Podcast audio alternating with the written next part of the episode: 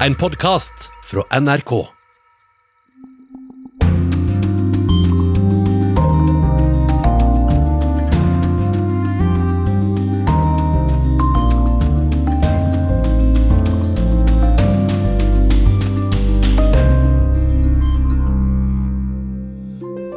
Sinne og skuffelse blant amerikanere som leser at eh, Donald Trump skal ha, falt, eh, skal ha kalt falne soldater tåper og tapere.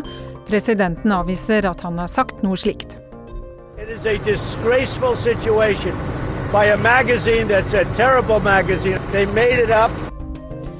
Libanon markerte 100-årsjubileum denne uka, men eh, hvor mye har landet egentlig å feire, spør vi i Urix på lørdag.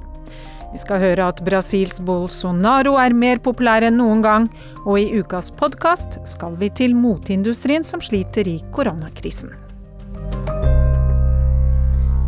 Vel møtt til Urix på lørdag, jeg heter Marit Kolberg. Vi starter i USA. Der er reaksjonene kraftige etter påstander om at Donald Trump har kalt soldater som har falt i krig for tåper og tapere. Artikkelen i tidsskriftet The Atlantic har skapt en eksplosjon av reaksjoner både på TV og i sosiale medier, og emneknaggen 'sucker' og 'loser' går sin seiersgang. Og kollega Eirik Veum, hva er det Trump egentlig skal ha sagt? Altså, dette er da angivelig uttalelser som skal ha kommet under et besøk i Frankrike i 2018. Uh, utenfor Paris så ligger det en krigskirkegård for amerikanske soldater som falt under første verdenskrig. Og Egentlig så skulle Trump besøkt denne krigskirkegården, og så ble det besøket avlyst sånn eh, helt i siste liten. Og Det er jo da i den sammenhengen at presidenten visstnok da, ifølge dette magasinets eh, anonyme kilder, skal ha brukt disse, disse ordene. Han skal også ha vært mer spesifikt og omtalt 1800 amerikanske marineinfanterister, altså soldater fra US Marines, som suckers. Og mange av dem falt i et av krigens siste store slag i Frankrike, i Belovskogen, hvor uh, amerikanerne da var med på å slå tilbake tysk angrep. Og i amerikansk militærhistorie så trekkes dette slaget frem spesifikt som helt avgjørende for at de allierte vant. Så Derfor er nok også reaksjonene veldig kraftige. Om Trump virkelig har sagt dette her, det vet du ikke enda. Eh, han har vært hele veien i sin presidentperiode veldig positiv til landets militære styrker, så han nekter jo da på det sterkeste for at han skal ha sagt noe slikt. And to think that I would make statements negative to our military and our fallen heroes when nobody's done what I've done with the budgets, with the military budgets, with getting pay raises for our military. It is a disgraceful situation by a magazine that's a terrible magazine. I don't read it. Ja, Vi hører Trump avviser dette her på det sterkeste. altså. Eirik Wem, hva er reaksjonene i USA? Vel, eh, ikke uventet da, så har jo Joe Biden, demokratenes eh, presidentkandidat, gått ut og kritisert Trump eh, relativt kraftig. Han mener jo i utgangspunktet at Donald Trump da er uskikket som president, og at dette beviser det. Det er vel ikke så overraskende i og for seg. Det som er interessant, er jo om dette her får noen konsekvenser. Vi må huske på at USA er jo en krigenasjon hvor landets militære styrker soldatene og ikke minst veteranene har en helt sånn sentral plass i samfunnet. Spesielt så gjelder også dette alle de som falt i kamp, og særlig på europeisk jord under eh, de to verdenskrigene. Så hvis dette viser seg å ikke stemme, så kan jo Trump vinne på det eh, ved at han kan da påpeke at det konstrueres opp eh, påstander og materiale for å ramme støtten han har da i sitt grunnfjell, og at noen vil sverte ham for enhver pris og med alle midler. Men er det sant, så kan det få alvorlige konsekvenser, muligens, videre i valgkampen. Og det er jo ikke vanskelig å forstå at Joe Biden kjører på dette her for alt hva det er verdt, og går nå til harde angrep på Trump. If what is written in the Atlantic is true, it's disgusting. And it affirms what most of us believe to be true. That Donald Trump is not fit to be the job of president, to be the commander in chief. Vi går eh, videre mot Libanon nå, der leteaksjonen er avsluttet etter en kraftig eksplosjon på havna for en måned siden. Det var en stund håp om å finne en overlevende etter at redningshunder hadde markert i ruiner, men ingen ble altså funnet. Og denne uka så kunne landet markere sin 100-årsdag, men har de egentlig så mye å feire? 190 mennesker er døde og flere tusen ble skadet i eksplosjonen. Farlige stoffer hadde ligget på havna i årevis uten at noen hadde sørget for at de lå og lagret trygt. Men vi går altså mange år tilbake. Tine Gade, seniorforsker ved Norsk utenrikspolitisk institutt, forklarer hvordan grensene ble trukket den gangen. Da Det osmanske riket ble oppløst i løpet av første verdenskrig, så, ble, så tildelte FNs forløper, som het Folkeforbundet, tildelte Libanon og Syria til, til Frankrike for at de skulle være mandatherrer over det. Og Frankrike hadde tette bånd med de kristne i, i, Libanon, som hadde gjort lobbyvirksomhet en periode for å danne en egen stat hvor de kunne være i flertall, og hvor de kunne kontrollere presidentmakten. Og det hadde selvfølgelig også Eh, sine årsaker i at eh, de kristne hadde følt, følt seg forfulgt i mange, mange tiår. Og nettopp det at det var mange kristne i Libanon og mange andre religiøse grupper, er noe av grunnen til at dette landet har en ganske spesiell forfatning. Fortell oss om den. Eh, nei, Libanon har jo som du sier 18 forskjellige religiøse grupper, hvorav 6-7 er, er, viktige. Og de tre største er sunnimuslimer, sjiamuslimer og, og kristne. Men til å begynne med så var det den største forskjellen var mellom muslimer på den ene siden og kristne på den andre. Så helt frem til borgerkrigen uh, i 1975 så var det de kristne som kontrollerte det meste av Libanon, uh, ved at de kontrollerte presidentmakten, og de kontrollerte også Eller man må være kristen for å bli president. Man må også være kristen for å bli hærsjef og etterretningssjef. Mens uh, sunnimuslimene kunne bli statsministre. Men statsministeren på det tidspunktet hadde mye mindre makt enn presidenten. Så ser vi at dette ble omgjort på slutten av borgerkrigen. Mange nordmenn kjenner jo til den. Vi hadde jo norske FN-soldater i Libanon i mange år også. Hva gjorde den med landet? Nei, det er et godt spørsmål, og et veldig viktig spørsmål. Borgerkrigen, for å ta et steg tilbake, så brøt den ut mellom væpnede palestinske grupper i Libanon på den ene siden, og, og på den andre siden libanesiske kristenkonservative militsgrupper. Men etter hvert så utviklet det hele seg til en storkrig, til å begynne med mellom muslimer og kristne, og etter hvert så ble frontlinjene endret seg over tid, for dette var en borgerkrig som varte i, i 15 år, og hvor mange andre land også var involvert. Men det som man kan merke seg, er at en av årsakene til at krigen brøt ut, var at muslimene følte at de ikke var nok representert før borgerkrigen. De ønsket mer makt internt i systemet. Og da kunne man jo tenke seg at hele maktfordelingssystemet burde skrotet, skrotes, men det skjedde altså ikke. Det, eh, systemet ble ikke endret, det ble bare så vidt eh, litt justert. Eh, også for å fortsette, etter borgerkrigen så så ble ikke sårene fra borgerkrigen leget. Minnene har ikke blitt forent.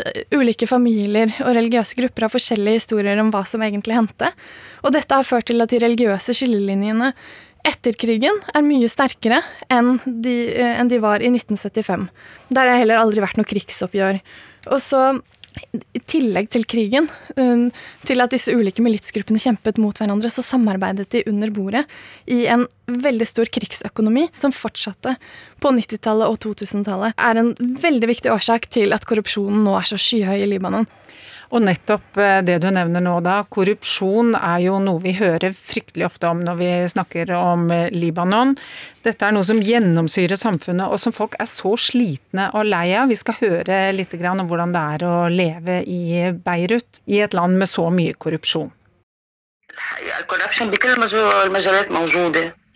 Vi merker korrupsjonen overalt, sier Amal Subay, som er røntgenoperatør på et sykehus i Beirut. Vi betaler strøm vi ikke får. Maten har steget ekstremt i pris. Man får ikke gjort noe uten bestikkelser. Du får ikke jobb uten å kjenne noen. Det er en ekstrem overbemanning i offentlig sektor, sier økonomen Patrick Mardini. Folk kom på jobb i det offentlige uten å gjøre noe, eller de kommer ikke i det hele tatt. Det er klientisme her i landet. Politikerne kjøper stemmer fra familier og klaner mot å gi bort jobber i det offentlige til gjengjeld.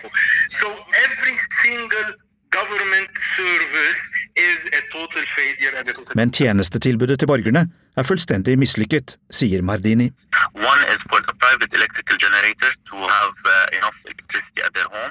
Vi betaler to regninger for alt, sier Abbas Sibay, som jobber som hjelpearbeider i nabolandet Syria. Uh,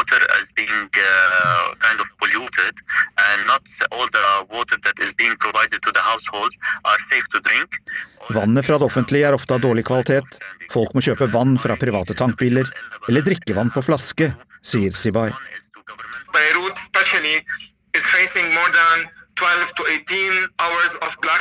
Og så må vi betale for diesel for å drive private generatorer for å få strøm. Staten krever penger for strøm, men de leverer bare noen få timer per dag. Det sier Josef Tabsh. Strømkuttet er på mellom 12 og 18 timer i døgnet, sier Tabsh, som jobber for en hjelpeorganisasjon i Beirut.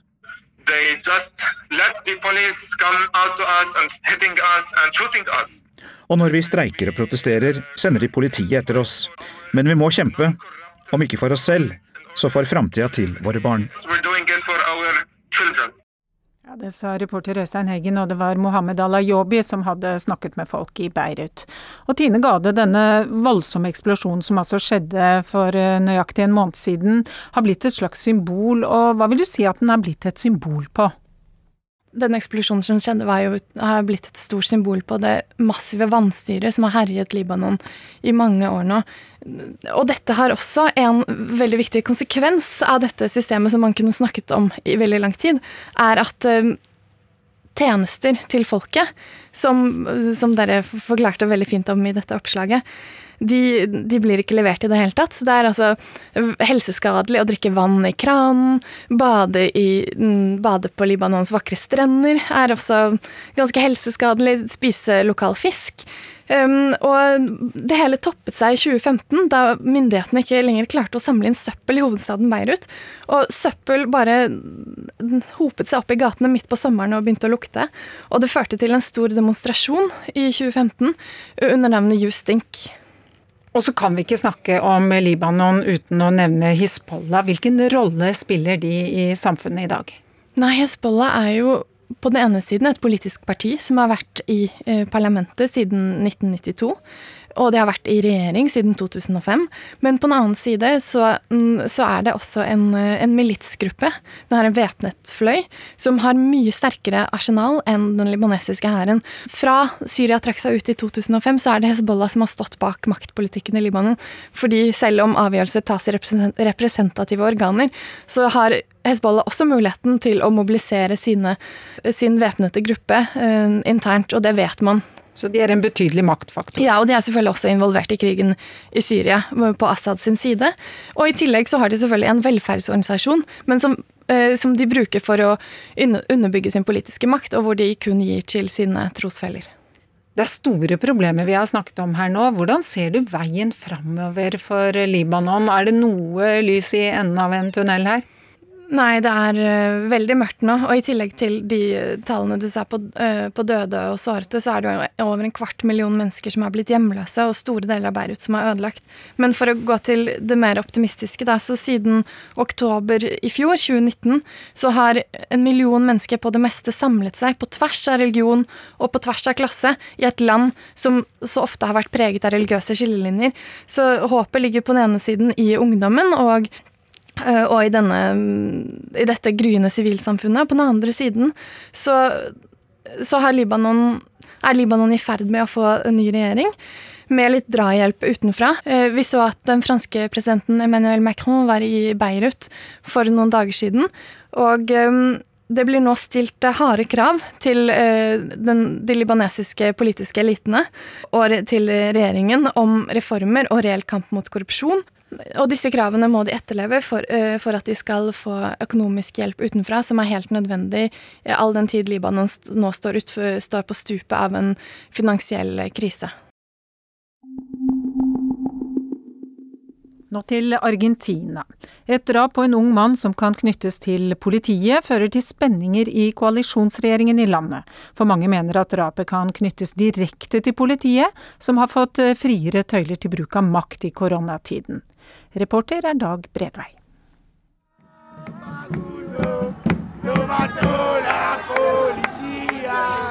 Klar melding fra demonstrantene som fyller gatene i Buenos Aires. Det var politiet som drepte Facundo.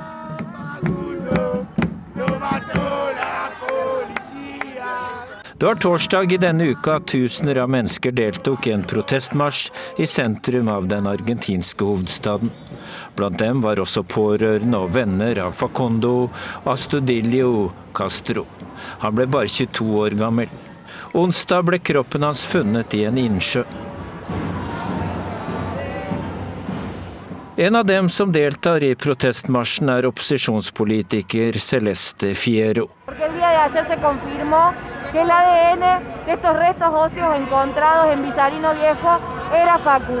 Det ble bekreftet med DNA at det er Facundo som ble funnet i Villarino-innsjøen, sier kvinnen til nyhetsbyrået Associated Press. Vi må kreve en slutt på politidrapene, sier Fiero.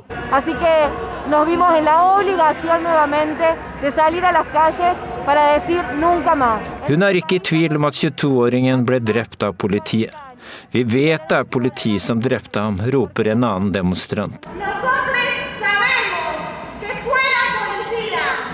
Folkemengden holder opp store plakater med bilder av 22-åringen. På en står det 'Rettferdighet for Facundo'.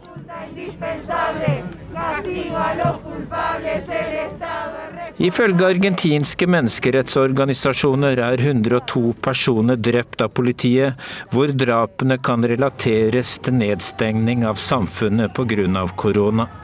Myndighetene sier det er 40 saker som granskes akkurat nå.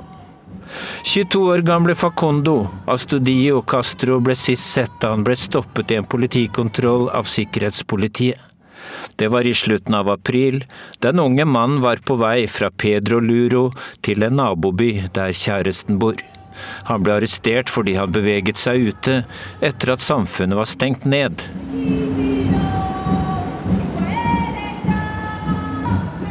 Demonstrantene roper at det er staten som står bak drapet på Facundo.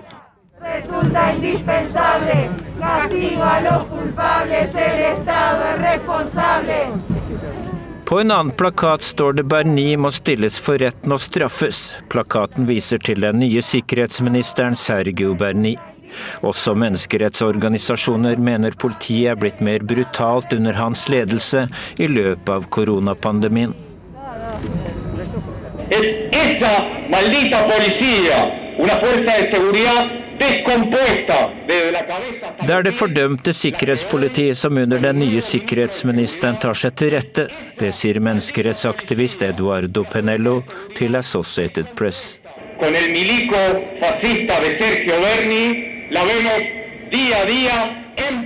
Politiet kan ture fram som de vil fordi de er beskyttet av sikkerhetsministeren, fortsetter menneskerettsaktivisten. Argentinas president Alberto Fernandes har møtt familien til den døde 22-åringen. Presidenten lover gransking. Saken som har fått mye medieoppmerksomhet i Argentina, er blitt en stor belastning for ham og regjeringen. Demonstrantene gir seg ikke før sikkerhetsministeren går av.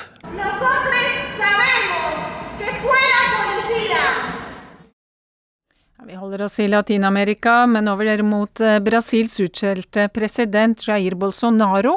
Han er nå mer populær enn noen gang siden han kom til makten i januar i fjor. Og det er særlig blant eh, landets fattige han nå styrker sin stilling, etter at mer enn 60 millioner brasilianere har fått økonomisk nødhjelp under koronaepidemien. Oppfyll min drøm et foto med deg, står det på en stor plakat under et folkemøte med Jair Bolsonaro. Det er en ung jente som holder opp plakaten, og hvilken politiker kan vel motstå en slik bønn? Til stor applaus slippes hun frem i mengden og får sin selfie med presidenten. Mannen som av mange er blitt idioterklært for sin håndtering av koronapandemien, fosser nå frem på meningsmålingene, og det handler mest om penger. Sim, sim, esse auxílio vai eh, fazer ele conquistar o, o pessoal mais pobre, né? Den nødhjelpen som regjeringen gir under krisa, gjør at han får støtte fra stadig flere fattige, sier den 28 år gamle Bernardo Bordowski, som jeg møter i bydelen Ipanema her i Rio. Jair Bolsonaro har sagt mye dumt og gjort mye galt, men jeg har fortsatt tro på at han er den beste til å styre landet, sier 28-åringen. Jair Bolsonaro. Den siste meningsmålingen gir Brasils president støtte fra 50% av velgerne, mens 41% mener at han gjør en dårlig jobb. Så sent som i juni var det bare rundt en tredel av befolkningen som støttet presidenten, og det er først og fremst de fattige som har endret syn.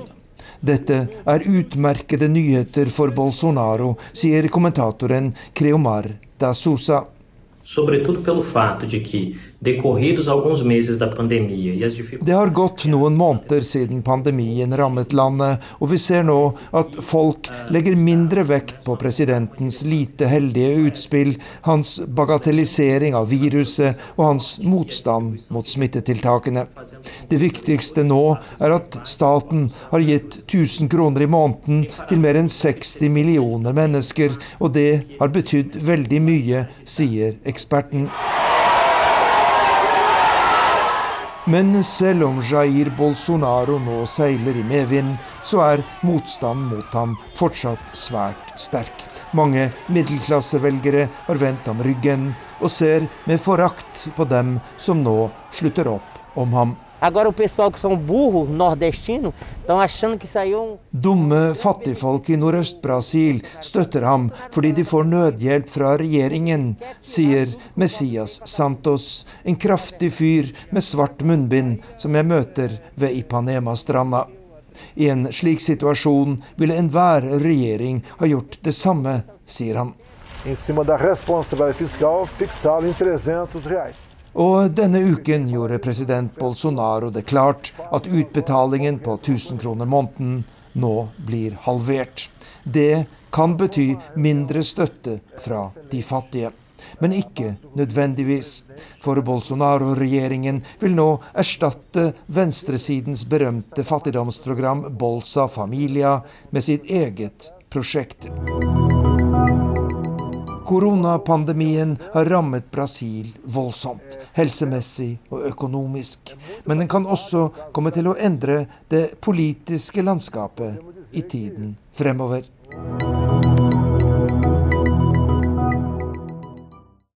Ja, det var Arnt Stefansen som hadde sendt oss denne reportasjen fra Rio de Janeiro. Denne uka så har gamle traumer blitt hentet fram igjen i Frankrike. Cinq ans après les attentats de Charlie Hebdo, de Montrouge et de l'hypercacher, le procès des complices s'ouvre aujourd'hui à Paris. Ceux qui sont ce matin, BFM TV vous fait vivre l'ouverture du procès des attentats de Charlie et de l'hypercacher. Bienvenue dans Ça donne le ton au sommaire. Le procès le plus important de la lutte contre le terrorisme s'ouvre ce matin. Ja, onsdag så startet altså rettssaken etter det nådeløse og voldelige angrepet på satiremagasinet Charlie Hebdo. Og denne regelrettede henrettelsen av en kvinne på gata, en politikvinne, i tillegg til skytingen på et supermarked i Paris. Og dette angrepet det skaket jo opp et helt land, for ikke å si hele Europa. Og det ble også starten på flere angrep i Frankrike. Kristin Skar Orcheré, du er professor ved Institutt for journalistikk og mediefag ved Oslo OsloMet. Frankrike har endret seg mye nå, er det mange som sier. På hvilken måte da? Ja, siden disse veldig brutale angrepene som du beskriver eh, for fem og et halvt år siden eh, fant sted, så det, har Frankrike endret seg på flere måter. Eh, angrepene mot Charlie Hebdo var på mange måter begynnelsen på en ny terrorbølge som har tatt livet av over 250 mennesker og såret mange flere. Og med disse angrepene, eh, og angrepet på satiremagasinet Charlie Hebdo, eh, der 17 ble drept og 18 ble alvorlig såret, så fulgte en økende usikkerhet i det franske samfunnet knyttet til eh, spørsmålet om staten evnet å beskytte samfunnsborgerne. Og franskmenn har da også måttet venne seg til å leve med en permanent terrorfare og en betydelig frihetsinnskrenking. Charlie Hebdo eller angrepene på Charlie Hebdo viste også eh, tegn til økende mistillit mellom eh, folkegrupper i Frankrike. Noen mener at den påfølgende debatten om ytringsfrihet, som jo kom i kjølvannet av, av angrepet på satiremagasinet, på mange måter overskygget debatten om fremveksten av militant islamisme i Frankrike, eh, og også diskusjonen om islams rolle i et sekulært Frankrike. Men den reelle eh, religionskrigen som pessimistene fryktet i 2015, den har vi jo heldigvis ikke sett. Og så reagerte jo franskmennene litt sånn som vi gjorde etter 22. juli, ikke sant. Millioner gikk ut i gaten i et stille demonstrasjonstog. De løftet pennen og sa at kjærlighet er viktigere enn vold og død, og alle var Charlie. Men så kom frykten, da. Og hvor mange Charlier er det igjen i Frankrike etter hvert, tror du? Ja, Det er ikke godt å si. Det var jo massiv oppslutning, og som du sier, franskmennene mobiliserte for da å understreke sin tro på ytringsfriheten. Så sier flere av de overlevende fra Charlie Hebdo at eh, den støtten var naturligvis av stor betydning, men også at den forsvant rimelig raskt. Da blitslysene ble slått av, så førte flere av de overlevende at de sto ganske alene igjen. Fortellingene har begynt å komme fram under rettssaken denne uka her. Hva er det vi har fått høre? Disse vitneforklaringene tar nå franskmennene tilbake til kjernen av det vonde. I går så vitnet bl.a. storesøsteren til Frankrikes mest ettersøkte kvinne, hun som blir kalt den svarte enken, Ayat Boumedienne, eh, som trolig fremdeles befinner seg i Syria.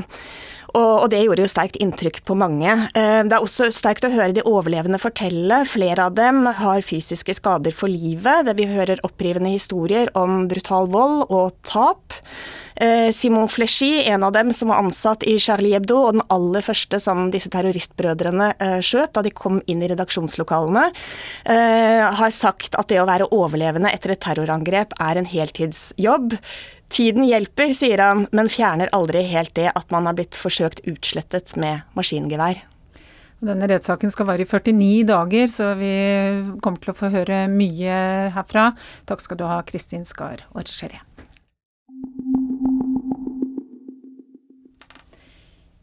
I korrespondentbrevet som vi nå skal ta fram, der eh, handler det om kulturkrig, polarisering og om mammagruppe på nett. Det er sendt oss fra Veronica Westrin i USA.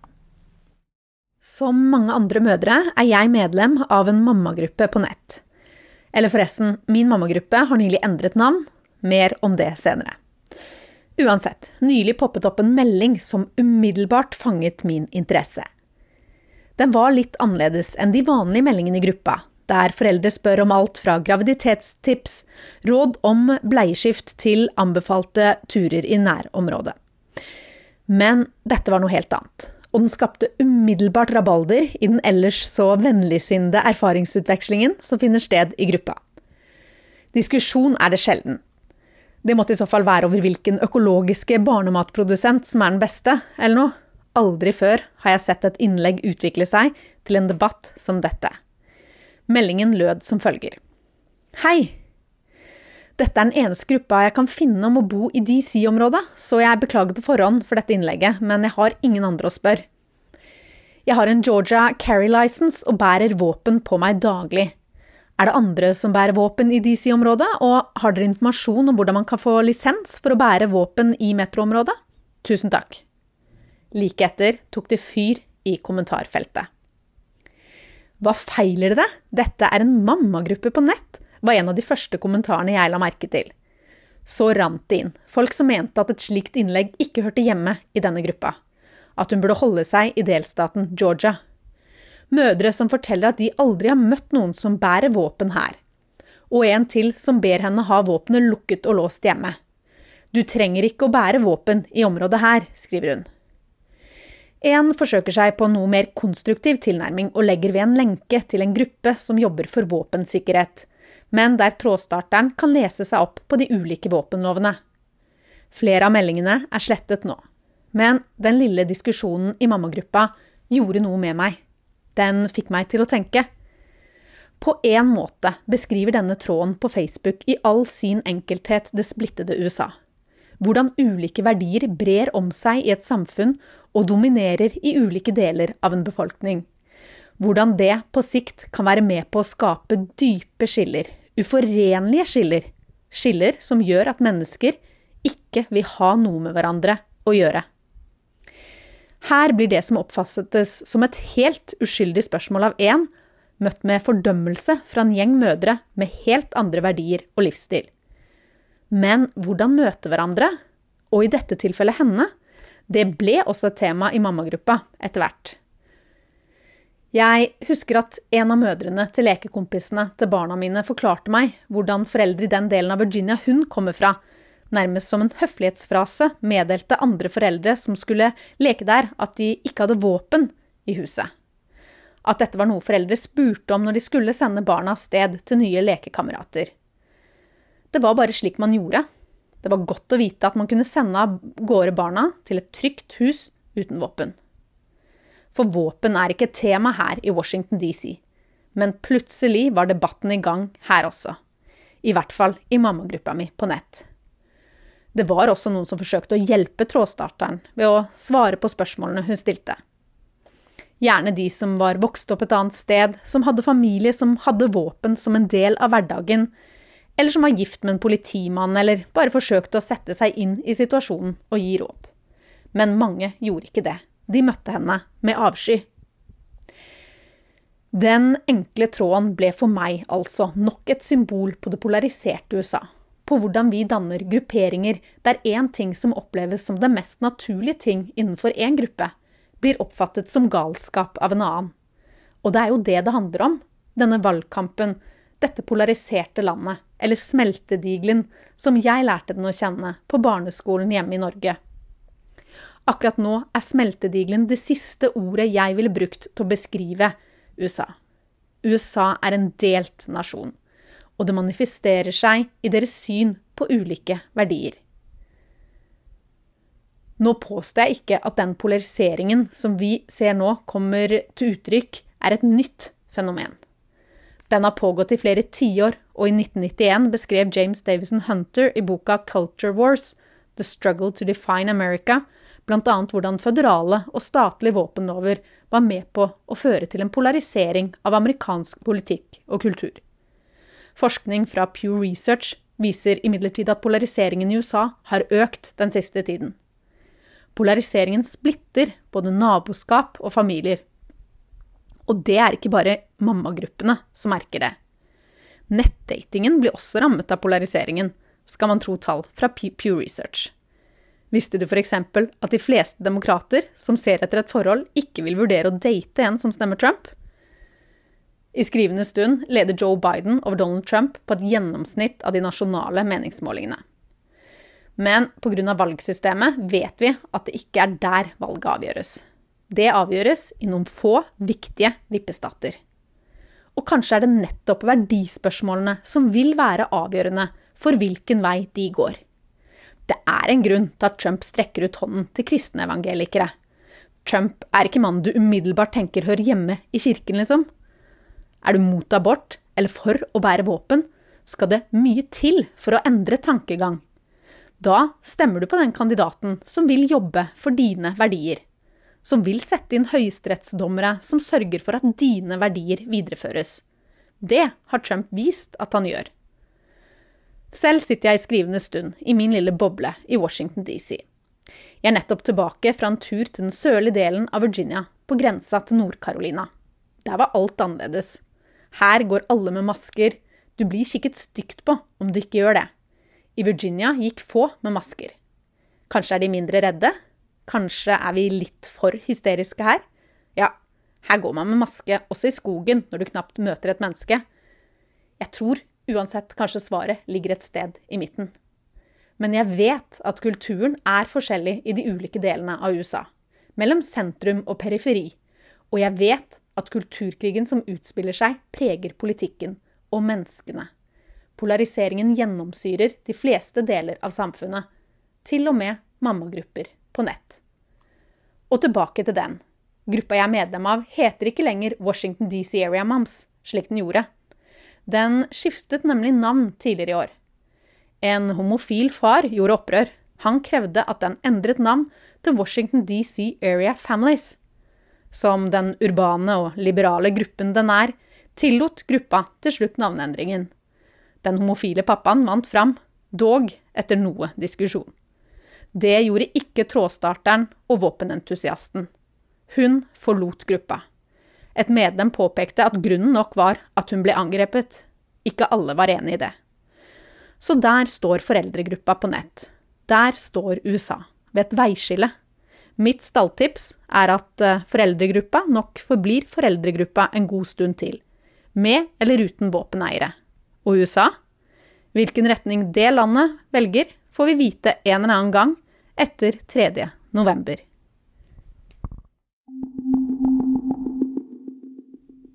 I ukas Krig og fred-podkast så ser vi på den kriserammede moteindustrien. Den blir kanskje aldri som før etter pandemien. Har du kjøpt mange fine klær i det siste, Tore? Nei, jeg har ikke det, altså. Ikke jeg heller. Og det merker klesbransjen. Det er kanskje bare salg av joggebukser som øker akkurat nå? Den globale moteindustrien vil aldri bli som før korona, mener de som har greie på det. Kolleksjonene hoper seg opp, og det gjør konkursene også. Men hva betyr det for verden? Og for oss? Du hører på Krig og fred Med Tore Moland og Tove Bjørgaas. Etter at jeg flytta hit for første gang, har jeg blitt veldig glad i sånne skjortebutikker. Okay. For det er jo sånn at de lager skjorter, og så kan man også få skreddersydde skjorter mange steder. Men, men det å gå inn i en sånn butikk, og så ligger det liksom bare en sånn rad, en sånn hylle bak ekspeditøren. Og så må man liksom snakke litt, og så kanskje eh, prøve en, men ellers så bare liksom måler han halsen og sier ja, denne blir bra. Og så kan du liksom se på de forskjellige stoffene. Det er noe veldig sånn eh, en sånn gammeldags luksusopplevelse som eh, jeg må innrømme at jeg har blitt litt glad i. Jeg heter Simen Ekern, sitter i Roma akkurat nå og har nettopp begynt som NRKs europakorrespondent. Det har du, Simen. Og da tenker jeg at du syns det er helt supert at mote er det første temaet du kan snakke om i krig og fred? helt perfekt, naturligvis. Særlig så lenge jeg er i Italia. Hvis vi ser historisk på det, så er det jo fryktelig lenge siden moteindustrien ble veldig viktig for Italia. Vi kan i hvert fall gå tilbake til renessansen og Firenzes storhetstid og sånn, men sånn i nyere tid så er det vel sånn at Paris liksom tok over i mange år, og så kom Italia tilbake sånn etter krigen rundt da ideen om la dolce vita, søte liv, dukket opp igjen, og Roma plutselig ble den, den kuleste byen i Europa på, på alle mulige vis. Og amerikanske filmskapere kom til Roma. og og motehusene i Italia fikk et oppsving, et dramatisk oppsving. Da. Så da dukket det opp merker som, som, som, ble kjente i hele Europa, og det fortsatte da utover på 70- og 80-tallet, når man fikk de store, nye motemerkene fra, fra Milano, Armani f.eks., eller Versace. Og, og, og sånn tror jeg for, for, italienere flest så, så, er det viktig sånn, i den ideen om hva det vil si å være italiensk. Fordi det er viktig å se bra ut. Det er viktig å tenke på hvordan man framstår. Alle sånne ting er viktigere. Selv om det kan framstå som en klisjé, så er det viktigere, tror jeg, i Italia enn i mange andre land. Iallfall enn i mange nordeuropeiske land. Hvor viktig er egentlig motindustrien for den italienske økonomien? Nesten 80 milliarder euro i året. 83 000 selskaper, eh, så jeg i en oversikt eh, nylig. Og de fleste av dem er ganske små bedrifter. Og da snakker vi om ja, en halv million mennesker da, som jobber eh, i, i moteindustrien. Så det er ikke bare liksom, noe som du legger oppå ideen om å være italiensk. Det er en, en viktig driver og en, og en, og en viktig forutsetning for, for, ganske mange menneskers uh, hverdag. Da. Ikke bare noe man pynter seg med, liksom. Koronaviruset ble jo veldig spredte seg veldig fort i, i, i Italia. Um, og noen har sagt at det kanskje handla også litt om tekstil- og moteindustrien og all den kontakten den har med Kina. Stemmer det, tror du?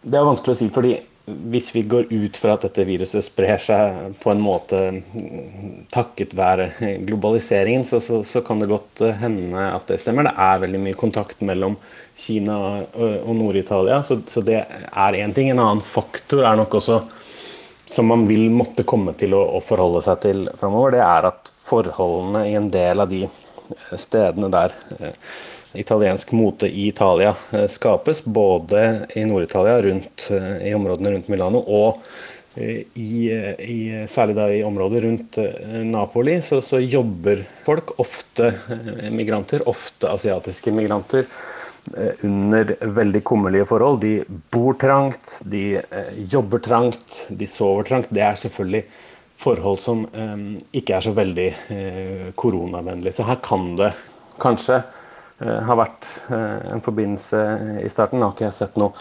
fellende bevis på det, men, men, det er jo ikke noe tvil om at den måten å organisere arbeidslivet på, uansett hvilken sektor vi snakker om, vil måtte forandre seg. så Det, det må man også forholde seg til i Italia. Og det er jo en bit av denne moteindustrien som har blitt veldig sterkt eh, kritisert både pga. forholdene for de som jobber der, og pga. bånd til eh, økonomisk kriminalitet og sånn, særlig i den biten av moteindustrien som handler om forfalskninger, f.eks., for eksempel, eller eh, å, å, å, lage ting som, som, skal ligne på det som jo egentlig er Italias stolthet, da, den, den virkelig liksom gode håndverkstradisjonen. Det er jo det denne podkasten handler om. Hvordan eh, koronapandemien kanskje har tvunget moteindustrien inn i en, i en forandring mange mener måtte komme. At man kan ikke fortsette. Det er ikke bærekraftig å produsere så mye. Og det lages altfor mye klær, rett og slett. Er det debatt om mm. dette i Italia? Ja, det er jo eh, debatt om det i Italia. Og jeg tror at eh, hvis man klarer å komme seg bort fra den redselen for at man ikke klarer å produsere veldig mye veldig billig eh, i konkurranse med, med, Kina, så må man på en måte vende tilbake til å rendyrke den ideen om at vi lager ikke så veldig mye, men vi lager ting som er veldig bra. Da er man selvfølgelig avhengig av kunder som har råd til å kjøpe det, som er villige til å betale den eh, prisen. Mange av de store merkene som har flaggskipbutikker ved spansketrappa her i Roma f.eks., at der er det eh, et dramatisk fall i, i, varer som blir kjøpt, mye fordi at de i så stor grad har solgt eh, ting til, til store grupper med asiatiske turister, som i gjennomsnitt bruker to-tre ganger mer av lønna si på den type luksusprodukter enn det eh, italienske forbrukere gjør, og som har bedre råd. Når den kundegruppa, hvis den kundegruppa forsvinner over lang tid, da, så er det klart at da snakker man jo om et tap på mange millioner euro i året. Et sted mellom 20 og 40% fall i omsetningen er det vel det mange av eh, motehusene opererer med, ser jeg, som fram mot 2021, 2022. Så man, man kan jo ikke bare sitte og lage høykvalitetsprodukter for seg selv eh, heller. Man trenger jo noen som, som skal kjøpe dem. I slutten av februar viste de italienske motehusene Versace og Gucci sine vinterkolleksjoner for 2021 i Milano. Da hadde koronaviruset allerede kommet til byen, og mange av gjestene havna i karantene. Et par uker etter ble rivalen Chanels vintershow i Paris det siste før motebransjen bråbremsa. For i april stupte salget av klær med nesten 80% i USA, og det var ikke bedre i Europa. Katastrofale nyheter for en bransje som i årevis er blitt kritisert for voldsom overproduksjon. Britiske Burberry avslørte f.eks. i 2018 at de hadde brent klær og vesker verdt mer enn 300 millioner kroner hvert år, fordi de produserte mer enn de klarte å selge. Det har jo vært et maskineri av luksus, overdåd og reising og eh, handling og kjøp og det var ikke nok å bare ha to sesonger, plutselig skulle man lage seks sesonger for de store motehusene og så det har jo vært en periode hvor vi har vært ekstremt godt vant, da, og det tror jeg har vært veldig overflødig. Det har jo ikke vært godt for noen ting, eh, verken for kloden eller miljøet eller noen ting. Mitt navn er Petra Middleton. Jeg jobber som sjefsredaktør i Norsk L. Hvordan har eh, de siste månedene vært i Norske L? Vi har hatt våre utfordringer, og det har vært en tøff tid, kan jeg si. Men motebransjen, moteverdenen, har den stoppa helt opp? Nei, det vil jeg ikke si, men uh, det har skjedd en stor endring. Hva slags endring er det dere har venta på? Uh, nå, etter den eh, pandemien vi har vært igjennom, så tror jeg ikke det holder med å bare vise et vakkert plagg på catwalken lenger. Hva må man gjøre isteden? Du skal ha en funksjon, tror jeg.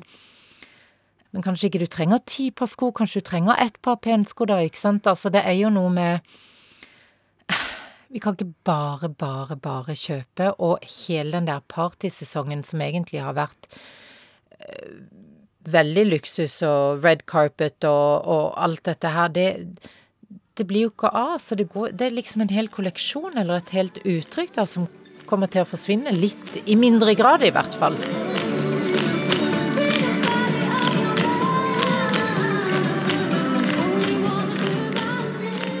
I motebransjen så har du vært mange kolleksjoner og, og, og, mye party i mange år. Du har reist rundt i over ti år til Paris og Milano og New York og gått på disse motevisningene. Hva er det mest spektakulære du har vært med på? Oi, oi, oi. Uh, jeg tenker nok at den gøyeste opplevelsen var ballet til Dior ute i Versailles. Da var det champagneflyt, kan jeg si. Da, det var nok en ekstrem opplevelse. Vi kom jo der, og jeg trodde omtrent at man bare Ja. At det var Versailles, at man bodde på slottet i Versailles. Det var helt utrolig. Vi kom inn dit, og vi måtte pynte oss. Hadde du på deg? Nei, jeg hadde på meg en kort eh, paljettkjole, husker jeg, fra eh, Diane van Fürstenberg. Og, og, og, kjøpte noen høye sko jeg ikke kunne gå i fra Lanvin. Og vi var så stivpynta fra topp til tå, og blei kjørt inn til visninga inne på Versailles, hvor alle disse store statuene sto. Og der var det bygga opp en catwalk. Det var så mye gull, og det var så mye blomster, og det var så Og så begynte visninga, og da tok det jo helt av. Da kom jo liksom alle supermodellene, og de var i Dior Couture, og Nei, det var bare helt fantastisk. Og etterpå så gikk jo alle modellene og kjendisene som eh, samarbeider med Dior, og vi spiste, og vi dansa, og vi drakk. Hvilke kjendiser var det som var der, da? Gud, altså, det var Angelina Jolie, det var Brad Pitt, det var, det var liksom Alle var der. Det er jo flere som har gått ut og sagt at nå går de ned til to kolleksjoner i året. Um, rett før jeg kom hit, for jeg skulle jo egentlig ha vært på visninger, på vei til visninger nå. Jeg, ja, uh, I Milano, og så til Paris. Uh, men alt blir sendt nå digitalt.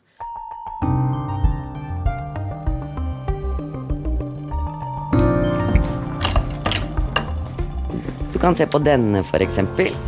Hva er det for noe? Det er en, eh, det er en sånn eh, tunikakjole? Det er en tunikakjole som har padded uh, Altså kviltet uh, front. Veldig innsvinget i overdelen, sånn at du nærmest ser ut som du har et stort, vakkert bærestykke her. Med hvor lang ermer og en ganske vid og løs body, da. I jordfarger paisley kaller vi dette mønsteret her, da. Så dette er inspirert av en gammel ullkåpe fra 1880. ja. Jeg heter Tine Mollat og driver eh, et designfirma som heter By Timo. Nå er vi i vårt hus, holdt jeg på å si, i Skåveien nummer 11 på Frogner. Hvordan rammet koronaen deg? Å, det rammet eh, veldig, veldig hardt der og da. Eh, vi sto i egentlig en enorm vekstsituasjon. Vi hadde brukt 2019 på å reise masse spesielt til USA. Investert i dyre PR-byråer. Men varene eh, som skulle til USA, var ikke sendt ut når korona kom. Så det ble på en måte en brutal bråstopp. Og da sitter man jo med ansvaret for økonomien. Man sitter med et enormt ansvar for alle sine ansatte ja, jeg personlig kjente på et utrolig trykk. Eh, noen gikk jo hjem og syntes det var deilig å lukke døren. Eh, jeg kjente selv på Ja, fikk masse angst og uro. Liksom, hvordan skal vi løse dette? Og så stengte jo fabrikkene våre ned i India òg. Så da ble det jo lockdown ja, i Europa, i USA, India liksom uansett hvor man prøvde å ta kontakt, så var folk i, i denne samme situasjonen. Det stoppet bare helt opp? Bråstoppet. Hva tror du kommer til å skje med bransjen nå de neste årene? Ja, nå har jeg vært i den i 40 år snart. Eh, og jeg tenker at man har jo vært med på se enorme volumer, ikke under Timo, da, men hos andre. Vekst, vekst, vekst, vekst. For uansett hvilken pris, på en måte. Litt grådighetskultur. lage mest mulig til veldig lave priser, veldig spesielle mekanismer hvor det bare er pengene som eh, styrer. Det stupte over kanten, og man så jo Nå kan jo mange skylde på korona, men hvis man tenker på hvor mange som egentlig ble nedstengt da f.eks. i USA, da, før mars Det er ganske mange det siste året 2019 som ble lagt ned. Mange butikker, mange merker, altså som bare har belånt og belånt og belånt og belånt penger, for de tror at rundt neste sving så er det en ny suksess som venter. J. Crew, Neiman Marcus og Roberto Cavalli heter noen av merkenavnene som har gått konkurs de siste åra. Butikkdøden ramma klesbransjen hardt allerede lenge før viruset kom. We'll miss you, Barneys! Barneys het en av butikkjedene som måtte stenge dørene i 2019. De spesialiserte seg på å samle alle de mest kjente motehusene under ett tak, og ble et attraktivt sted å være, også for små merker som ville nå pengesterke kunder i verdens storbyer. Eh, Barnis, De hadde jo eh, kontrakter med oss som gjorde at hvis de ikke solgte varene, så kunne de sende tilbake 50% av varene sine, altså som de hadde kjøpt da, egentlig. Eh, det er et, noe jeg veldig, veldig var veldig negativ til. Men Barnis hadde jo én en eneste ting som jeg så det. Og det er at de hadde et veldig, veldig sterkt varemerke, Barnis. Ikke sant? Sånn at folk tenkte ikke så mye på hvordan de drev det fra innsiden. Men det var jo Det ble jo ren markedsføring for oss. Kosta, kostbar sådan. Og formidle at man var der. Hva lærer dere som er i bransjen av alle disse konkursene? Merker i dag som ikke har allerede en, et riktig verdisett, som, man, som jeg sier, da, i forhold til å ta vare på miljøet så godt man kan. For det er jo en shitty business. Eh, ikke sant? Ta vare på miljøet, menneskene. At man bidrar til noe positivt samtidig som man gjør noe som man egentlig ikke kanskje skulle ha gjort, da. Men alle trenger, vi trenger jo klær. Eh, så tenker jeg de som ikke har startet de prosessene, har veldig, veldig dårlig tid. Og det blir litt som matindustrien som begynte for noen år siden. Nå er vi veldig bevisst på hva vi spiser, hva vi på, får i magene våre, på en måte. Og jeg, vi er også på vei som forbrukere til å bli veldig opptatt av hva vi tar på oss på utsiden. Hva det er laget av, liksom er det mennesker som har fått godt nok betalt? Har man renset vann i den landsbyen man jobber i? Hvordan blir det transportert? Og i da mange artikler som er spennende å lese, så er det jo det spørsmålet hvordan kan en sandwich koste mer enn en T-skjorte? Ikke sant? Det er jo Altså, bare der har man tusen spørsmål. Og jeg tror alle som driver godt, og kommer til å drive godt fremover, stiller seg også de samme spørsmålene. Hi there. I'm Scott Sternberg, Scott Sternberg er en amerikansk designer som har stått bak flere klesmerker som har måttet legge ned. Også han mener motebransjen har vært altfor lite bærekraftig, og at en stor endring må til. Men koronapandemien har blitt en slags suksess for Sternberg. De siste åra har han designa pastellfarga joggedresser som han har solgt rett til kundene på nett. Salget av de posete kosedressene økte med 622% bare i mars. Nå sliter selskapet hans med å produsere nok til alle kundene på hjemmekontor. Simen, hva har en italiener på seg på hjemmekontoret? Det husker jeg tenkte på så helt tidlig i nedstengninga her i Roma. At at italienske moteselskaper var veldig tidlig ute med å lage sånn Nå, her er hvordan du skal være kledd i hjemmekontormøte. Jeg tror det tok én uke før Ermenegildo Zenia, som er liksom selve nestoren av produsentene av, av herredresser, særlig, Alltid hvordan man sier det navnet, faktisk. Ja, det er det som er så gøy med det si navnet. At det er så vanskelig å si at man må gjøre det flere ganger. Ermenegildo Zenia Tenk å ha et sånt navn på et uh, motehus i utlandet. Men det funker jo kanskje litt derfor, da. Men han sendte ut, uh, eller han, selskapet sendte ut uh, sånn e-postreklame veldig tidlig i nedstengningen, der det var forskjellige sånne veldig sofistikerte kasjmirbukser som passet veldig bra til en sånn lett skjorte og kanskje en litt løsere blazer når man skulle sitte og ha møte på Skype eller Zoom. Og det var veldig sånn direkte retta mot liksom, her er du hjemme, men, men, det skal være elegant og komfortabelt likevel. Eller så er du ikke den du pleide å være. Man prøvde å få folk til å kle seg opp for å føle seg vel hjemme også, da, på, på hjemmekontoret. Men det er klart det er vel en strategi med en begrensa suksess. De aller fleste trivdes kanskje best i treningsbukse når de var hjemme her i, i Italia. Du har hørt 'Krig og fred' fra NRK Urix. Lydregien var ved Merete Antonsen.